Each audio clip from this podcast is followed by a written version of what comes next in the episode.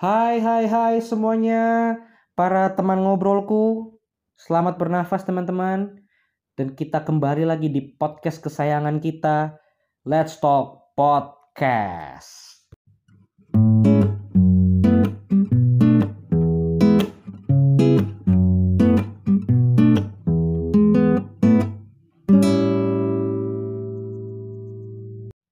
Gila ya udah lama banget gua nggak bikin podcast lama banget setelah uh, uh, episode ketiga gitu. Gue bahkan sampai lupa cara ngomong di podcast kayak gimana. Gila. Udah lama banget gak bikin podcast dan gimana nih kabarnya teman-teman? Sudah di bulan kedua dari tahun 2020. Oh iya, sebelumnya selamat tahun baru buat teman-teman semua. Masih bulan kedua, belum terlambat untuk ngucapin selamat tahun baru gimana nih? Apakah kalian punya resolusi yang baru di tahun 2020 atau mau ngelanjutin resolusi yang usang di tahun 2019, 2018 dan tahun-tahun sebelumnya? Kalau gue pribadi sih um, salah satu resolusi gue yang pasti um, terlepas dari um, ketergantungan gue terhadap sosial media. Enggak juga sih sebenarnya. Enggak, resolusi gue tahun ini tuh podcast gue jadi rutin gitu. Jadi konsisten kembali konsisten gitu. Sampai di bulan Desember. Pokoknya target gue di tahun ini adalah setiap minggu dua episode uh, dan terus berlanjut sampai di tahun uh, penghujung tahun 2020 semoga tercapai. Amin. Dan juga semoga tercapai semua impian dan resolusi teman-teman di tahun 2020. Amin, amin, amin. Meskipun ya di awal tahun kita di apa ya disambut dengan kejadian-kejadian yang cukup memilukan dan bikin kita sedikit parno ya kayaknya ya. Diawali dengan banjir awal tahun yang kalau gue lihat berita sih kayaknya cukup hampir merata gitu di Indonesia. Kayaknya di setiap tempat tuh ada banjirnya gitu karena memang yang gue perhatiin juga curah hujan tuh lagi tinggi banget di awal-awal tahun kemarin. Awal tahun kemarin di awal tahun kemarin-kemarin itu. Jadi kita nggak bisa juga lah salahin um, pemimpin-pemimpin daerah-daerah kita gitu ketika kita terkena banjir. Ya meskipun seharusnya mereka pun punya cara lah untuk mengantisipasi. Karena kan yang namanya cuaca itu sebenarnya kan bisa diperkirakan kan dari pergerakan awan, pergerakan angin gitu. Ya, tapi kita berdoa supaya di bulan-bulan seterusnya di sepanjang tahun 2020 ini meskipun ada mungkin hal-hal yang kembali tidak mengenakan hati kita tapi kita bisa menjalininya dengan sukacita, bersyukur dan bersama-sama gitu ya supaya kita nggak tercerai-berai cuman gara-gara urusan banjir dan lain-lainnya gitu. Dan gue juga cukup kesal sih terutama buat kota Bekasi karena rumah gua 10 tahun gua tinggal di Mari. Gua belum pernah tuh yang namanya kebanjiran sampai masuk rumah tapi tahun ini for the first time in forever gua ngerasain yang namanya banjir masuk rumah. Dan posisinya gua lagi di Bali. Gila nggak tuh? Rumah lagi kosong song song song. Kita semua satu keluarga lagi di Bali. Rencananya kita mau pulang tanggal 2 nya tapi karena tanggal 1 ternyata banjir sampai masuk rumah akhirnya kita langsung beres-beres dan kembali ke Bekasi secepat mungkin. Dan kita tuh naik mobil, jadi bayangin kita harus tetap tenang di dalam mobil meskipun rumah tuh wah gila. Sampai dikirimin videonya sama tetangga, om dan tante gua yang ngurusin usaha mamah di Bekasi itu sampai manjat lewat uh, belakang rumah. Jadi belakang gua belakang rumah gua tuh nyambung sama deket banget sama jalan ya. Jadi mereka tuh lihat harus lewat belakang supaya bisa masuk. Karena kendaraan tuh sama sekali nggak bisa masuk di depan rumah gua gitu. Wah gila lah pokoknya. Tapi bersyukur semuanya jadi eh, semuanya udah teratasi. Ya beberapa barang di rumah gue juga rusak sih. Cuman it's okay lah menurut gue ya itu dia kisah awal tahun kita teman-teman. Nah, di podcast kali ini gue mau membuat segmen-segmen lagi seperti uh, awal-awal sebelum nama Let's Talk ini tercetus ya kalau kalian para pendengar lama dari podcast gue.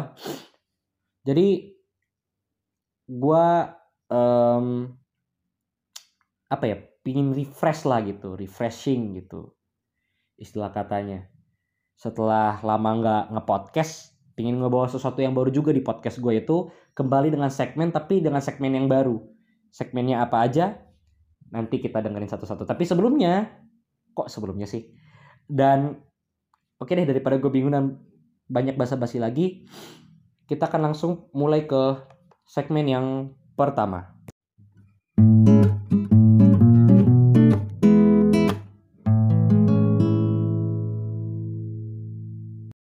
Oke, jadi di segmen yang pertama ini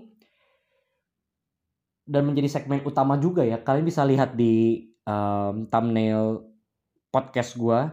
Iya, di segmen pertama ini kita akan ngomongin tentang yang namanya harapan. Kenapa kayak gitu? Gak tau ya, mungkin sekitar dua minggu ini gue um, gak tau ada satu kata yang muncul di hati gue berulang-ulang kali yaitu harapan gitu. Mungkin juga itu berimbas dari apa yang lagi gue pergumulkan juga terutama di kehidupan pribadi gue ya sebagai manusia di mana meskipun gue punya branding rohani anak gereja kudus dus dus dus gitu kayaknya gue kudus dari lahir dan sampai mati kudus gitu kayaknya tapi ya gue manusia dan gue remaja juga gitu. Ada banyak proses pendewasaan baik itu pendewa, pendewasaan. Bah gue ngomong apa sih? Baik itu pendewasaan rohani gue jiwa gue dan tubuh gue gitu. Ya kalau tubuh sih paling minggu-minggu ini gue cuman sakit-sakit sering banget sakit karena jor-joran buat uas ya. Dan semoga nilai gue bagus amin. Ya gue nggak berharap bagus-bagus amat sih. Seenggaknya gue lakukan yang gue bisa dengan keterbatasan gue dan dengan kemalasan yang gue seret-seret mampus gitu. Yang ngerjain semua tugas uas tuh mepet-mepet hari gitu. Gue nggak berharap bagus-bagus karena gue eh, bagus-bagus banget karena gue tahu diri tapi ya paling nggak gue cukup gimana ya gue jadi nggak merasa menyesal lah. Karena meskipun gue terlambat tetap gue curahin semua yang gue bisa gitu. Meskipun ya tidak bisa dicontoh dong tentu saja. Dan uh, itu kan tentang perkuliahan. Ada juga pergumulan pribadi gue ya taulah pergumulan laki-laki ya kan? Nggak bisa jauh-jauh dari video ya itu kalian sudah tahu rupanya.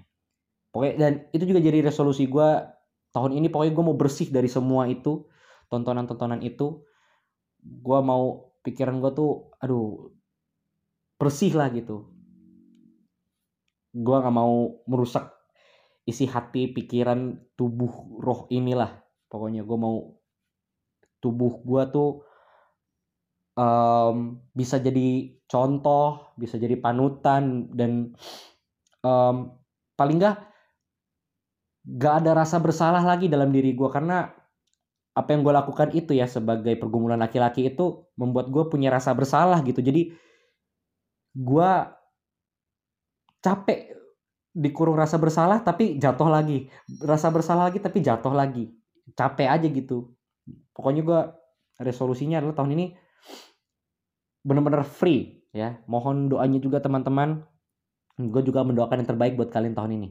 Oke balik lagi. Harapan jadi sebenarnya harapan itu apa sih? Kalau menurut KBB ini, harapan itu kata dasarnya dari harap, yaitu mohon, minta, atau penjelasan yang lebih spesifiknya keinginan supaya sesuatu terjadi. Itu harap, kata harap. Jadi harapan itu adalah sesuatu yang dapat diharapkan. Harapan adalah sesuatu yang muncul ketika kita ingin supaya sesuatu terjadi, kurang lebih seperti itu. Harapan timbul dari sesuatu yang kita harapkan akan apa ya, terwujud, akan terjadi, akan kita rasakan. itu harapan. Jadi pada dasarnya kita semua bergerak dengan harapan. Kalau menurut gue pribadi ya, ketika kita tahu misalkan paling simple, besok kita bakal ketemu pacar kita. Kayak hari ini gue um, ngerekam ini di hari di mana sorenya, kan gue ngerekam ini siang ya, sorenya tuh gue mau ketemu pacar gue buat bantuin dia bikin tugas. Jadi dari kemarin-kemarin tuh gue tuh udah kepikiran gitu, wah besok tuh gue bakal begini, begini, begini, begini, begini. Ada harapan buat hari esok, yaitu ada sesuatu yang ingin gue, yang gue mau itu tuh terjadi, yaitu gue bertemu dengan pacar gue. Nah, harapan tuh kayak gitu. Nah, terus gue coba searching di internet gitu ya. Uh, dari mana sih datangnya harapan gitu? Dan gue saat ketemu satu artikel di Kompasiana gue dapetnya tuh gak baca artikelnya sih gue lebih ke judulnya aja langsung gue tuh langsung nangkep gitu harapan muncul dari adanya kesempatan terus gue pikir-pikir bener juga ya kesempatan itu kalau gue boleh terjemahkan bebas kesempatan adalah momentum kita untuk mendapatkan sesuatu itu kesempatan. Kesempatan itu butuh momentum dan butuh tujuan. Nah, dari momentum sampai tujuan ini butuh yang namanya harapan. Dan harapan itu sifatnya tuh um, gak bisa ditebak gitu. Kadang pasti, kadang enggak. Tapi yang namanya kesempatan itu pasti selalu ada. Tapi bagaimana kita bisa apa ya eh, istilahnya kita bisa memanfaatkan kesempatan yang ada untuk kita bisa mencapai tujuan. Nah, kenapa kita bisa mengejar tujuan ini? Karena ada harapan di dalamnya ada di, di, di tujuan itu ada sesuatu yang ingin kita capai. Makanya di dalam tujuan pasti ada harapan. Makanya keren banget kalau di gereja gue tuh di ibadah anak mudanya ya di Life Church ya teman-teman yang di Bekasi kalau mau ikut boleh banget setiap hari Sabtu nah gue di like yang gue lap gue yang bah apa sih dia yang gue dapat di like church adalah kalau lu hidup tuh harus punya visi harus punya tujuan karena kalau dan ini yang gue cukup amini dalam hidup gue ya karena gue punya analogi gini kalau lu bilang sama orang di rumah lu eh gue mau pergi dulu ya keluar mau ke mana nggak tahu mau jalan-jalan aja yang ada lu capek sendiri. Kalau nggak ada tujuan tuh mau jalan ke mana pun ya, ya capek gitu. Mau ke tempat paling bagus pun, kalau lu nggak punya tujuan ya, ya, ya jadi gak punya nilai gitu perjalanan lu ya. Jadi hanya sekedar capek aja, buang keringat, buang usaha, udah ngos-ngosan ngejalaninnya, tau-tau lu juga nggak tahu mau dapat apa gitu. Makanya gue juga suka bingung sama orang yang ngalir-ngalir aja tuh gue bingung. Karena setahu gue ngalir itu ke bawah gitu. Apa yang lo dapet ketika lo ngalir aja sih gitu. Ya tapi gue juga tidak bisa ngejudge karena namanya perjalanan hidup orang itu kan suka-suka pencipta ya.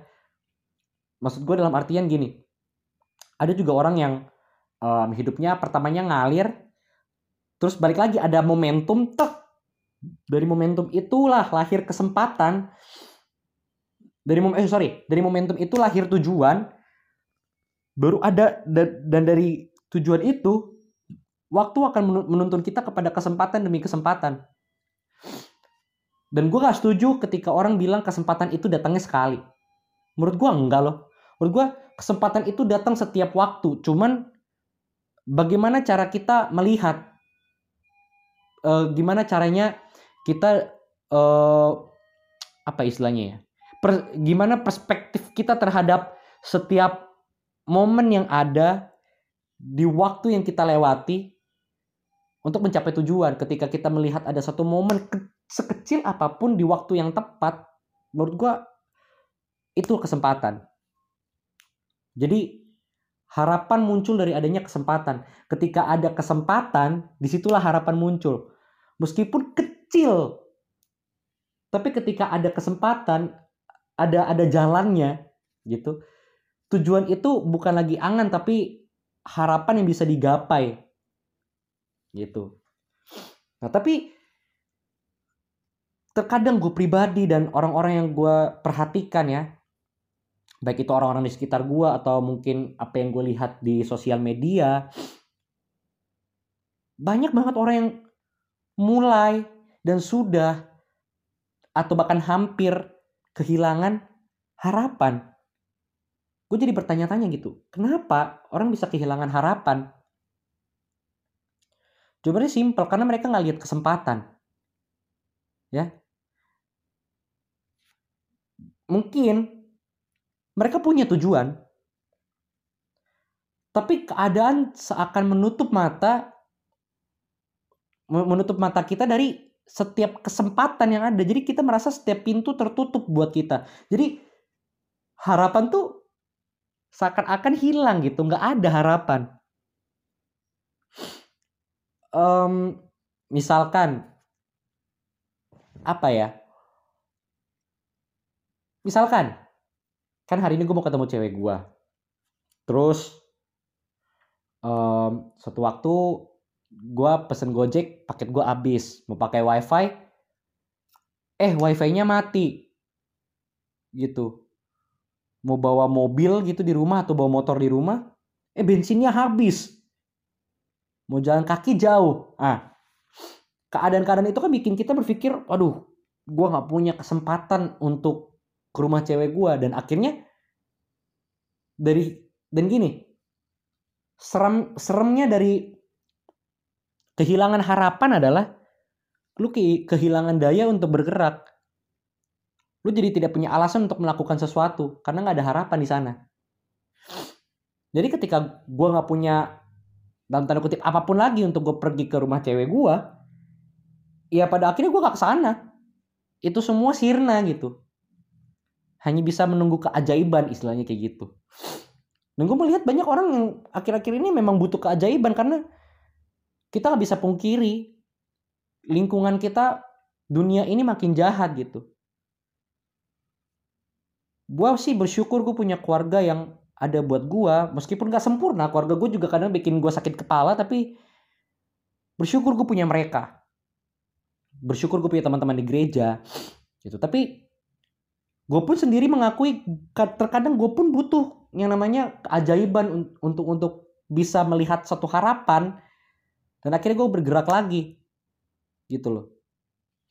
Nah kalau kayak gitu gimana cara kita untuk bisa punya harapan lagi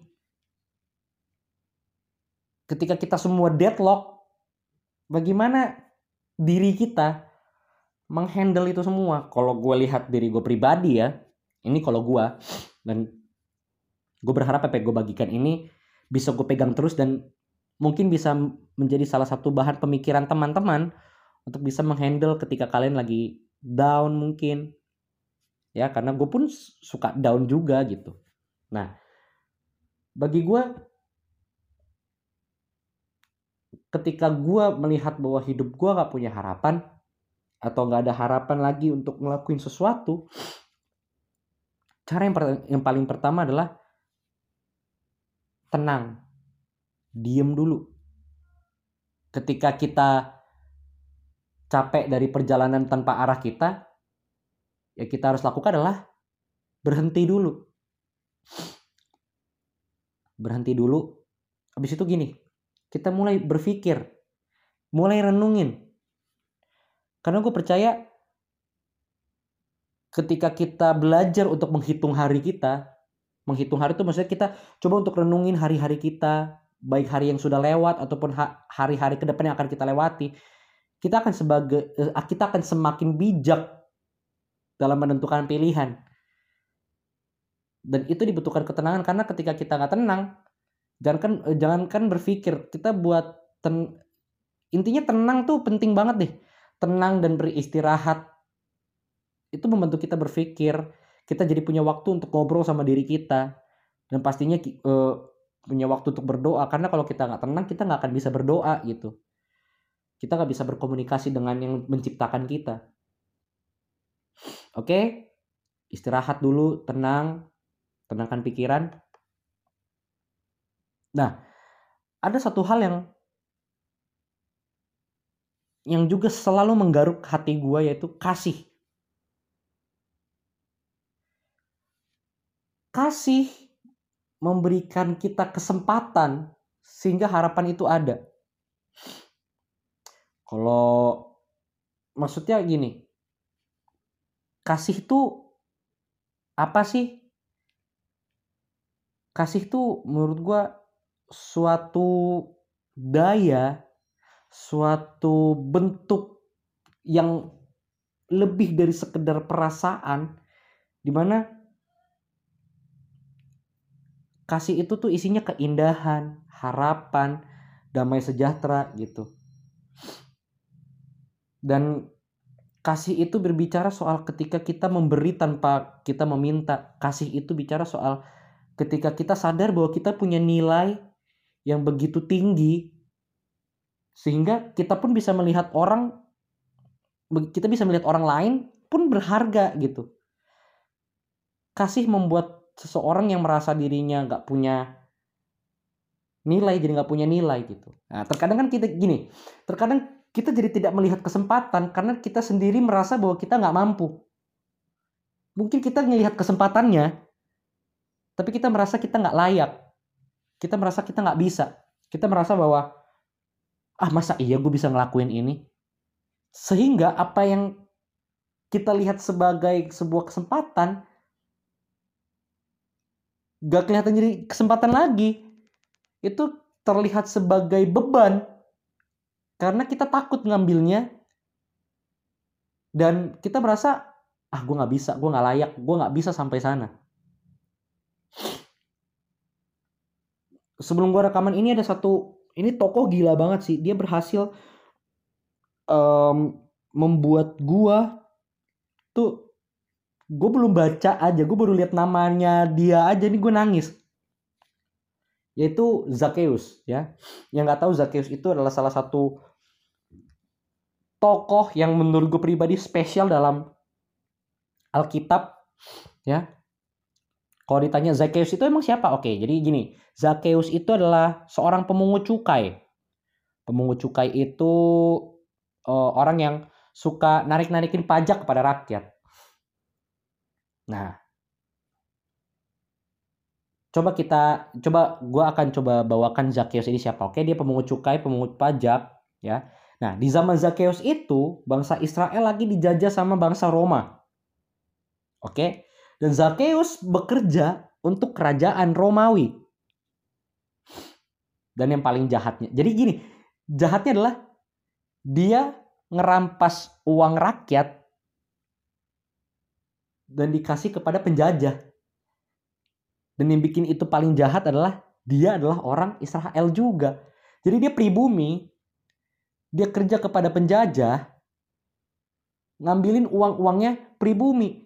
Pribumi udah lagi susah di, di, di, di zaman itu, dia bikin tambah susah dengan narik-narikin pajak. Dikasih kepada Romawi. Dan gak cuman itu. Kalau kalau kalian mau baca sampai di akhir kisahnya Zakheus di kitab Lukas ini dia tuh apa ya dia tuh korupsi juga. Jadi udah narikin uang rakyat nih. Gue rasa dia tuh kayak ngelebih-lebihin terus cuannya buat dia pajaknya buat kaisar gitu. Kan udah gila ini orang kan. Satu waktu Datanglah Yesus, kucuk kucuk kucuk kucuk kucuk. Ya kan? Yesus itu kalau bahasa sekarang tuh lagi trending, lagi viral banget Tuhan Yesus tuh. Dia bergaul sama orang miskin, bergaul sama pelacur, ya.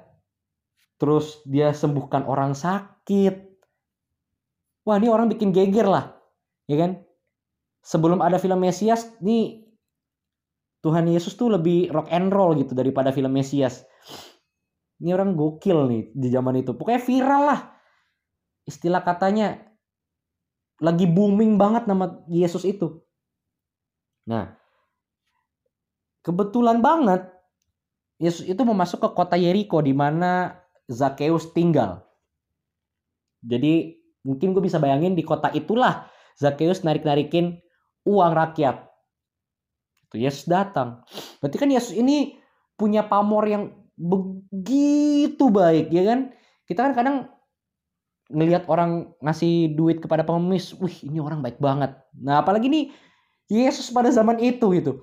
Di mana bayangin cuy pelacur yang udah udah nggak dianggap ini pelacur loh ini udah nggak dianggap lah sama masyarakat. Apalagi zaman Israel itu di mana lu kalau pelacur lu dilempar batu sob. Dan Yesus mau bergaul dengan orang-orang seperti itu, orang-orang miskin, orang-orang yang punya sakit menjijikan kayak kusta, orang-orang yang punya sakit yang pada zaman itu dibilangnya sebagai sebuah kutukan. Tapi Yesus bergaul dengan mereka dan gak cuma itu, hidup uh, hidup orang-orang itu berubah gitu. Yang tadinya mereka uh, si pelacur ini menyerahkan diri kepada laki-laki gitu akhirnya menyerahkan diri kepada Tuhan, bertobat, yang sakit jadi sembuh, yang buta melihat, yang tuli mendengar, yang bisu berbicara, yang kerasukan setan-setannya keluar. Jadi pandangan orang tentang Yesus nih sebegitunya gitu. Orang melihat bahwa Yesus ini um, simbol harapan gitu. Karena orang yang sudah sakit bertahun-tahun aja bisa sembuh. Ada kesempatan di dalam Yesus. Nah, habis itu Zakheus kan pasti denger dong ya kan ini orang penting di kota. Dia pasti ngedenger berita tentang Yesus. Jadi begitu dia tahu bahwa Yesus masuk ke kotanya, apa yang dilakuin? Dia mendahului orang-orang lain untuk melihat siapakah Yesus itu. Ya kan? Nah, tapi faktanya adalah dia tuh pendek. Jadi udah koruptor, pengkhianat bangsa, kuntet nih orang ya kan bener-bener nih orang dia pendek tapi dia penasaran gitu. Karena dia mendengar bahwa wah Yesus nih bergaul bahkan sama orang berdosa loh. Yesus gak pernah pandang bulu, bulu untuk menemani siapa pun untuk um, apa namanya mengasihi siapa pun lah istilahnya kayak gitu. Siapa pun Yesus akan layani gitu di sisi lain Yesus itu punya kuasa yang besar tapi dia malah memilih untuk melayani. Jadi orang-orang sekelas Zakheus pun pasti penasaran nih Yesus tuh tampangnya kayak mana sih gitu kan. Tapi karena dia pendek akhirnya gini. Dia sampai usaha untuk naik ke atas pohon untuk lihat siapa Yesus. Oke? Naik pohon nih. Tapi kan gini. Apalagi di zaman dulu ya yang namanya pohon kan banyak. Dan gue yakin gak cuma satu orang yang naik pohon gitu. Mungkin ada seorang bapak yang anaknya ingin lihat Yesus tapi gak bisa anaknya ditaruh di atas pohon gitu bapaknya jagain di bawah. Dan gue yakin gak cuma Zakheus kok orang pendek di kota Yeriko gitu menurut gue. Iya gak sih? Kayak pasti banyak gitu. Dan dan di antara mereka juga pasti ada yang naik pohon gitu. Tapi ketika Yesus ada di sana Yesus yang adalah simbol harapan bagi orang-orang um, yang melihat dan mendengar kabar tentang mujizat yang Yesus lakukan, um, hikmat yang Yesus punya gitu. Jadi orang pengen lihat semua begitu Yesus jalan. Entah kenapa, mungkin ini rencananya beliau juga, rencana Tuhan. Yesus ngelihat satu pohon yang ada Zakheus dan Yesus di situ bilang nih biar gue gak salah ya. Gue ini dulu gue udah siapin alkitabnya. Gue kurang rajin apa nih? Jadi mana sih? Ah ini dia. Yesus ngomong, Zakheus segeralah turun, sebab hari ini aku harus menumpang di rumahmu. Dari semu, dari banyaknya pohon di kota itu, dari banyaknya orang yang ada di pohon itu, hanya ada satu nama yang disebut dan namanya adalah Zakheus. Gak cuma disebut, Yesus bilang turun. Aku harus menginap di rumahmu. Maksud gue ini gila men. Gilanya karena apa? Uh, gimana caranya? Bukan gimana caranya yang gila lagi nih. Bayangin dia kan musuh musuh masyarakat nih Zakheus nih. Ya kan? Musuh masyarakat. Otomatis dia punya gue yakin dan setiap kita kan pasti ngelakuin dosa juga yang ngelakuin kesalahan ya. Gak usah oke okay lah oke okay lah kalau ngomongin dosa kayaknya gue pendeta banget. Kita pasti semua manusia ini ngelakuin kesalahan. Dan sejahat jahatnya kita pasti ada satu perasaan bersalah perasaan mengutuk diri sendiri perasaan gak layak. Apalagi ditambah orang seperti Zakheus ini kan terkenal dan pasti dijauhi masyarakat.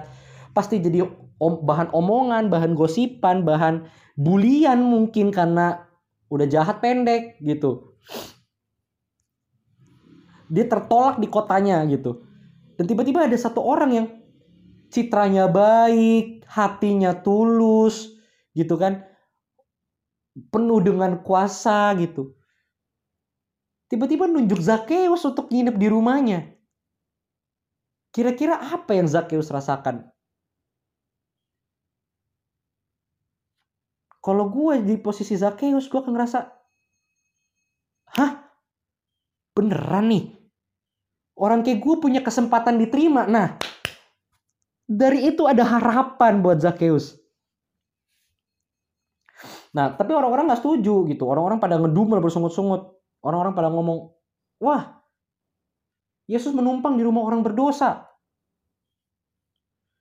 Tapi Zakheus bilang kepada Yesus, aku setengah dari milikku akan kuberikan kepada orang miskin. Dan sekiranya ada sesuatu yang kuperas dari seseorang akan kubalikan empat kali lipat. Simpelnya gini, dia mau ngasih semua hartanya kepada semua orang yang sudah dia kecewakan, yang sudah dia rampas uangnya, hartanya. Cuman gara-gara sesimpel Yesus mau nginep di rumahnya Zakheus. Gini, kalau dia sampai berani ngejual semua hartanya cuma karena Yesus, berarti gini, ada harapan yang begitu besar sehingga dia mau relain semuanya demi ikut Yesus. Ngerti gak maksud gue? Ini besarnya kekuatan dari pengharapan, dari sebuah harapan. Lu bisa ngelakuin apa pun ketika lu punya harapan. Lu gak akan pernah ya gini deh.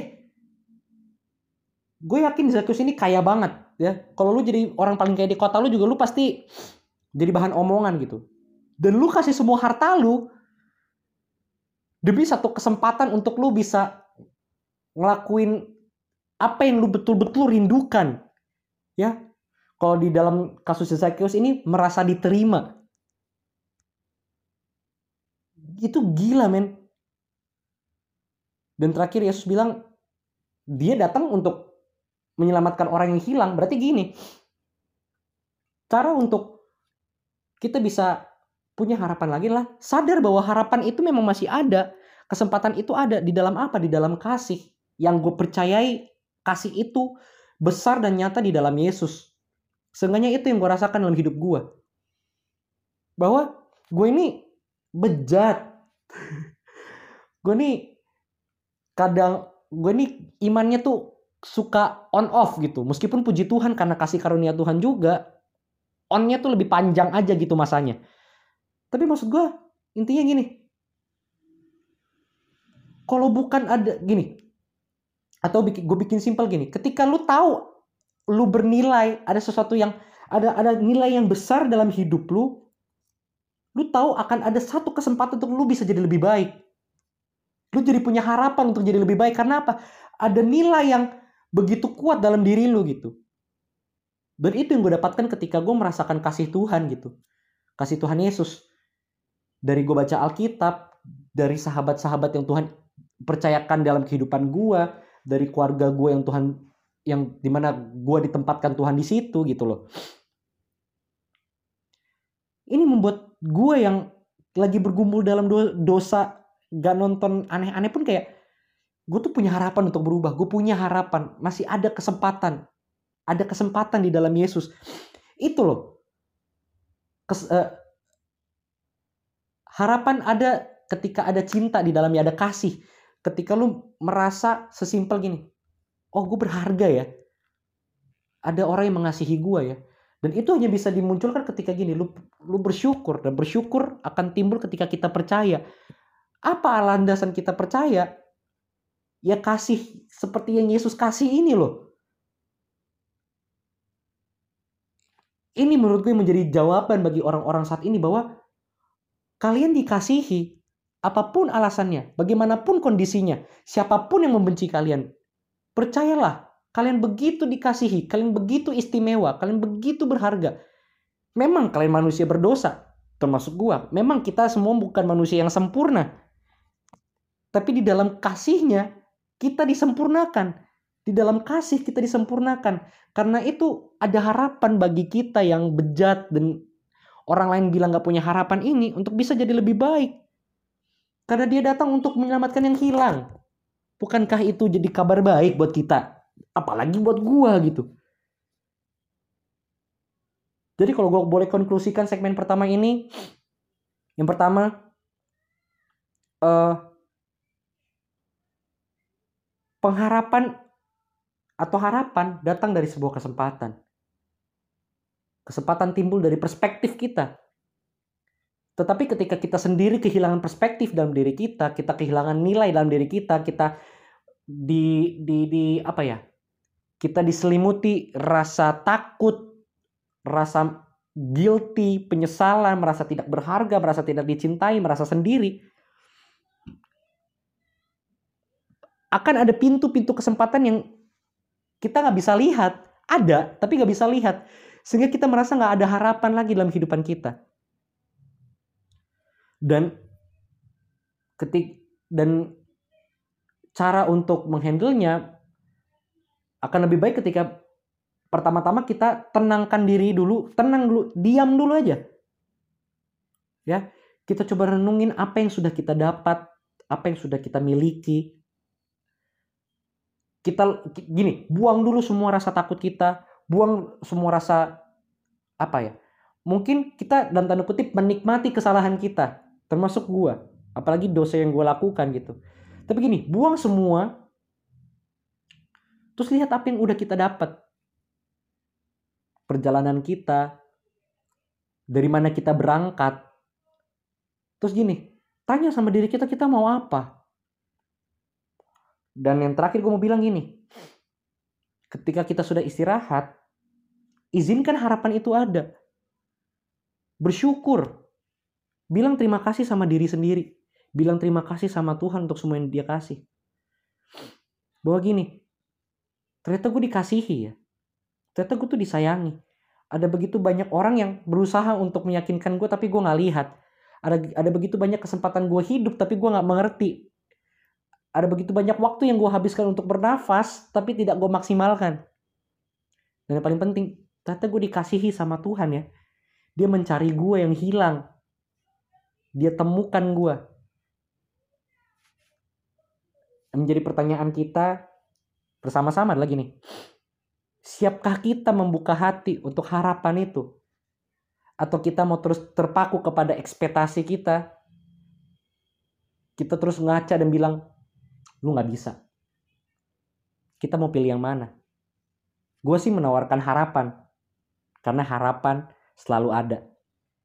Ketika terang itu datang, kegelapan akan pergi. Ketika yang sempurna datang, maka yang sempurna itu pergi. Wow, cukup panjang uh, pembahasan kita. Kita, gue istirahat dulu sebentar karena kita akan masuk ke segmen selanjutnya. Semoga segmen yang ini memberkati. Next, kita akan masuk ke segmen kedua.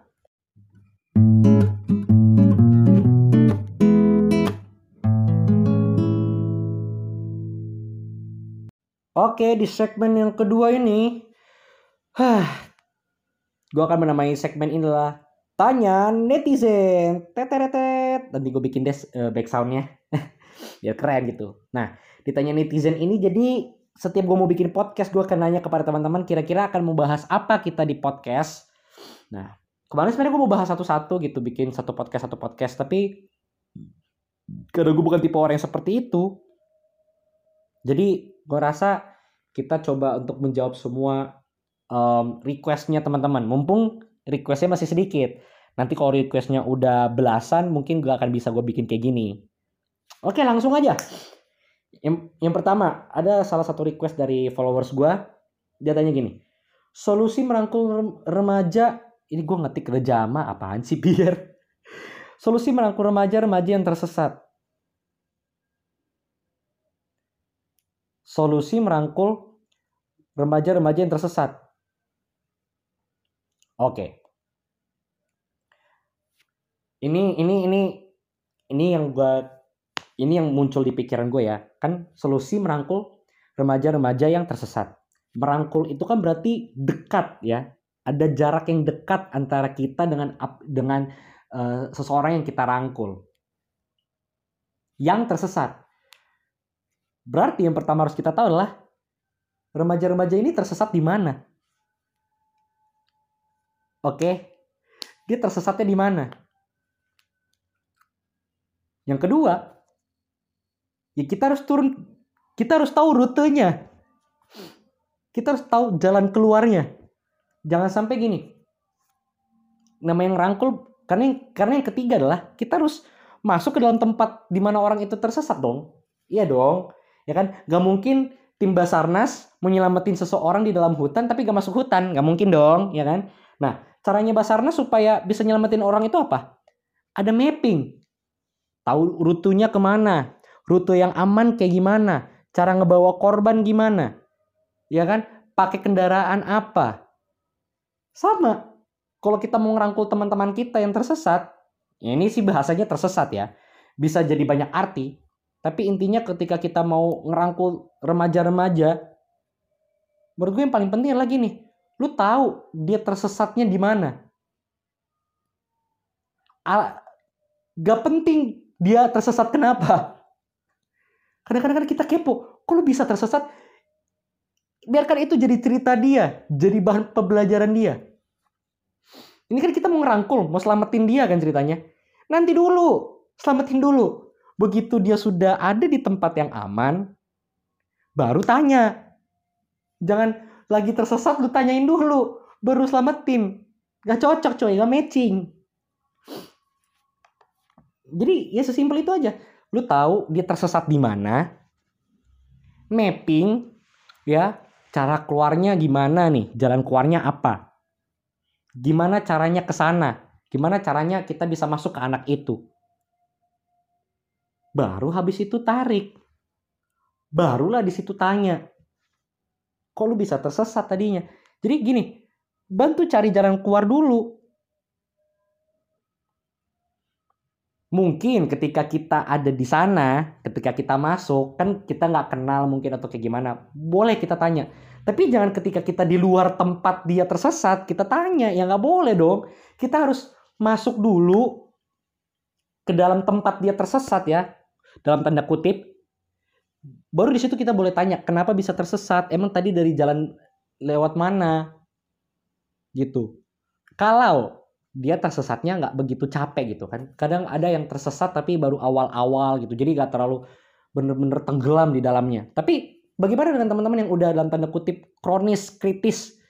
Di mana kita sebagai orang yang punya hati kita ngelihat ini orang butuh bantuan. Kan kita nggak mungkin tanya sedetail itu. Karena kadang yang mereka butuhkan ada lagi nih. Ada orang yang samperin mereka. Gitu loh. Itu sih menurut gue makanya kita tuh jadi orang harus relevan. Nah, kebanyakan orang ya apalagi karena gue orang Kristen ya gue jadi punya suara untuk ngomong ini. Gue melihat kadang gereja so asik. Ya. Gue bersyukur gereja gue mulai gereja gue mau berubah eh, orang-orang di dalamnya mau berubah tapi gereja di luar sana dan pemikiran-pemikiran so asik ini sampai pernah beberapa kali muncul di gereja gue juga gitu. So asik tuh gimana sih? Merasa bahwa gini, kita nyari di luar apa yang anak-anak butuh. Apa yang remaja butuh. Padahal ada orangnya di situ. Kenapa nggak lu tanya? Kenapa nggak lu coba masuk ke sana? Daripada lu kayak gini. Oh ini kayaknya keren kasih aja ke mereka. Oh ini kayaknya keren kasih aja ke mereka. Kenapa nggak? Lu butuh apa? Kita kita ayo kita usahain bareng-bareng. Nah, itu relevan. Itu relevan. Relevan tuh gini. Tempatnya gelap. Kita so asik bilang, nih ada lampu warna-warni, keren deh. Ya, tapi, tapi kita cuma kasih lihat lampu warna-warni. Padahal dia mungkin nggak butuh lampu warna-warni, dia hanya butuh lampu aja. lagi gelap, mati lampu, lu nawarin makan.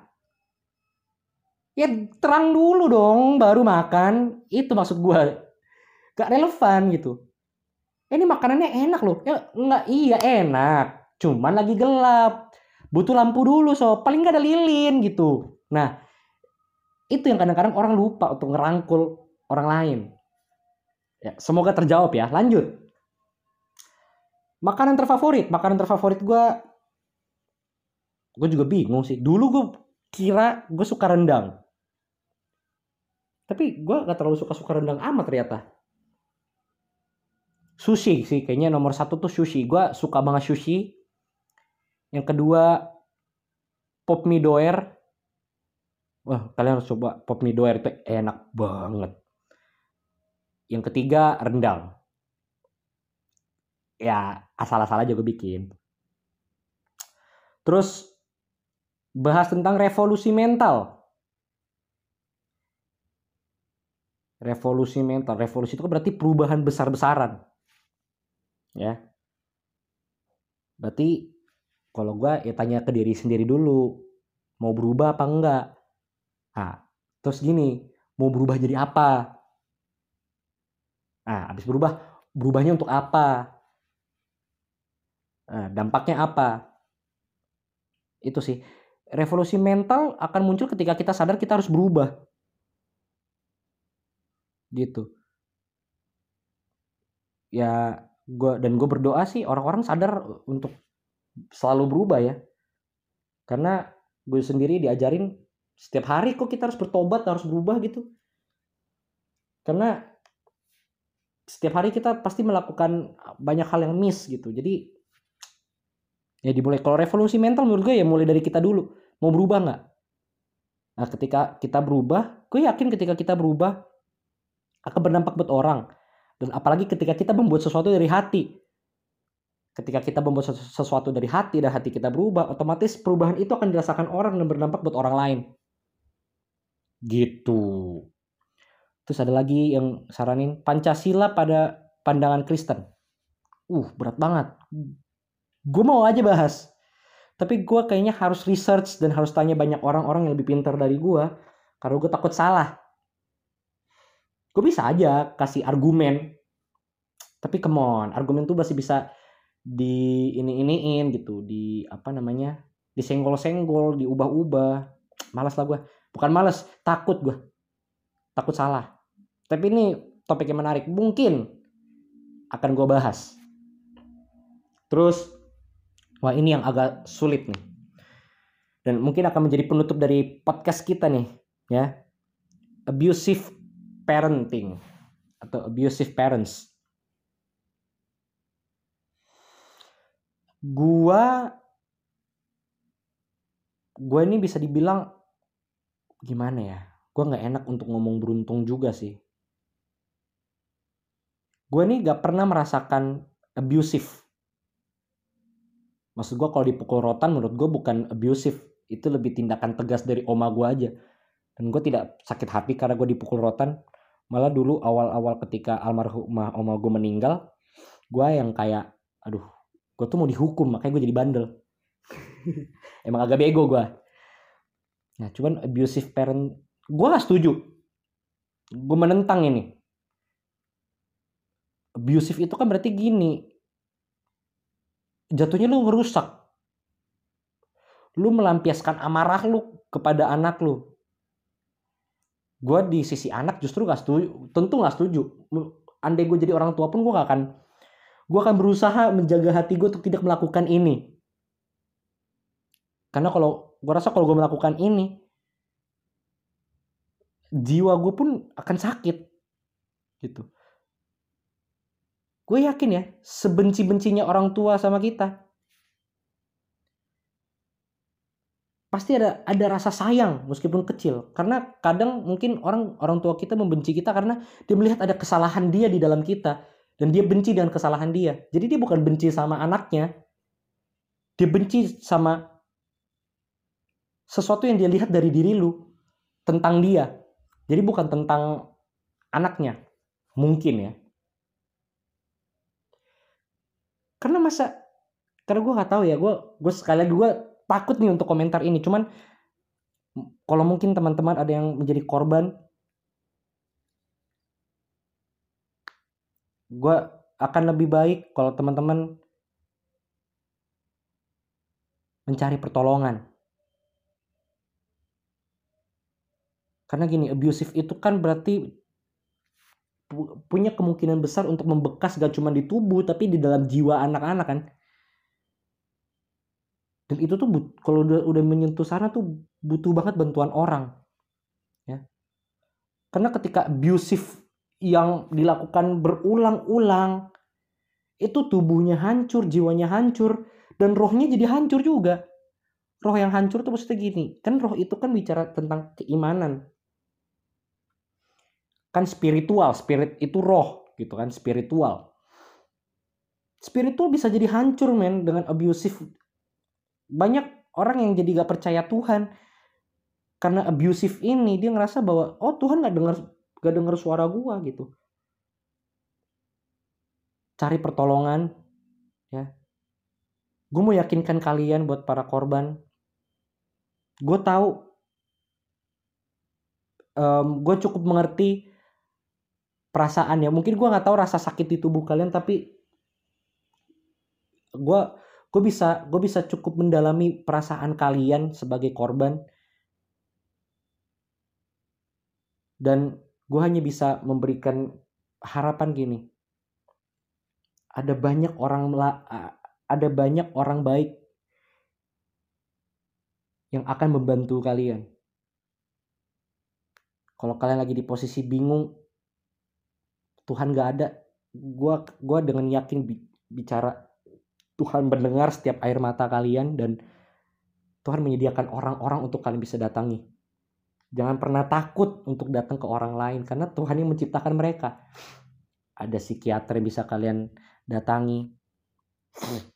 Mungkin kalian bisa lari ke lembaga ya. Lapor ke KPAI ya. Lembaga-lembaga agama kayak gereja ataupun mungkin gue gak tahu ya perkumpulan teman-teman muslim Buddha Hindu atau agama-agama lain gue yakin ada dan akan merangkul akan melindungi kalian. Percaya bahwa kalian gak sendiri kalian berharga. Orang tua kalian mungkin gak bisa lihat belum bisa lihat itu belum.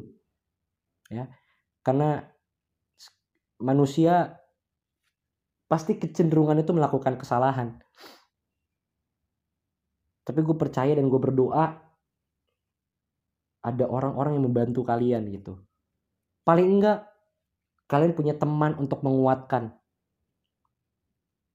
Gue juga punya teman-teman yang seperti ini gitu korban juga. Gue berusaha untuk kuatin mereka. Kalau gue lagi bikin postingan gue kasih ke mereka untuk menguatkan mereka mendengarkan cerita mereka memberikan saran, memberikan semangat, atau hanya sekedar memberikan telinga gue untuk mereka ngomong. Itu sih. Pada intinya gue gak setuju dengan abusive parenting. Dan cara ngelawannya, tadi satu cari orang lain, cari bantuan. Karena kalian tidak pernah sendirian. Dan Tuhan tidak pernah tidur. Dan yang kedua, mengampuni. Ya, susah mengampuni. Gue tahu banget susah. Tapi ketika kalian sudah punya orang lain untuk menjadi pegangan dan gini seperti segmen satu gue menawarkan Yesus sebagai sosok yang mengasihi gue menguatkan gue sampai di titik ini. Dan gue percaya Yesus pun rindu menguatkan kalian. Dia menunggu di depan pintu hati kalian untuk bisa membalut luka di hati kalian.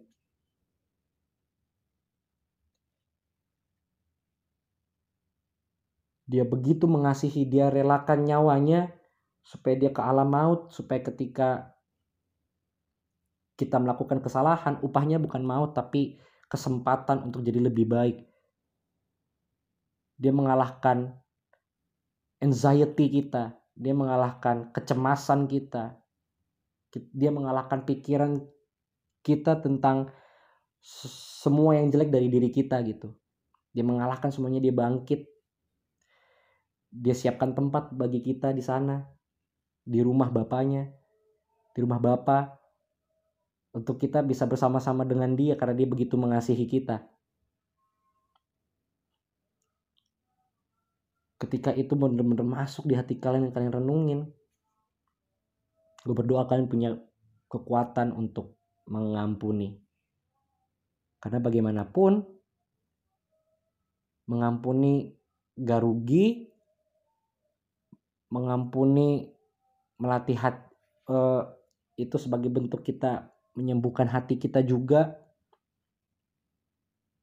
Gitu. Oke. Huh. Sudah berjam-jam kita ngomong. Nggak berjam-jam sih. Panjang banget lah pokoknya podcast ini. Semoga dari segmen 1 dan segmen 2 ini bisa menjadi apa ya angin segar lah buat podcast gue bisa jadi berkat buat teman-teman juga. Oke? okay? Itu aja podcast dari gue jangan lupa untuk follow instagramnya Let's Talk di at let's talk.cast follow juga sosial media gue di @genperoch ada Twitter dan Instagramnya di situ. Oh kalau Twitter gue lagi ngomong-ngomong kayak yang selangkangan atau oh itu gue lagi marahin diri gue ya. Jadi teman-teman jangan kayak hah? Kenapa hamba Tuhan ini ngomongin selangkangan? Ya itu gue lagi marahin diri gue Twitter memang jadi tempat gue untuk ngomel-ngomelin diri gue gitu kayak ah lu gimana sih? Udah udah tau dikasih Tuhan basi begini. Ya gitulah. Ya jadi jangan kaget gitu. Dan gue sih selalu menyarankan kalian untuk ikut like church buat teman-teman yang di Bekasi ya. Setiap hari Sabtu jam setengah enam gue juga ada di sana di like church. Ya itu aja. Jadi see you lagi di podcast selanjutnya. Be different be awesome be better. Let's talk. Bye bye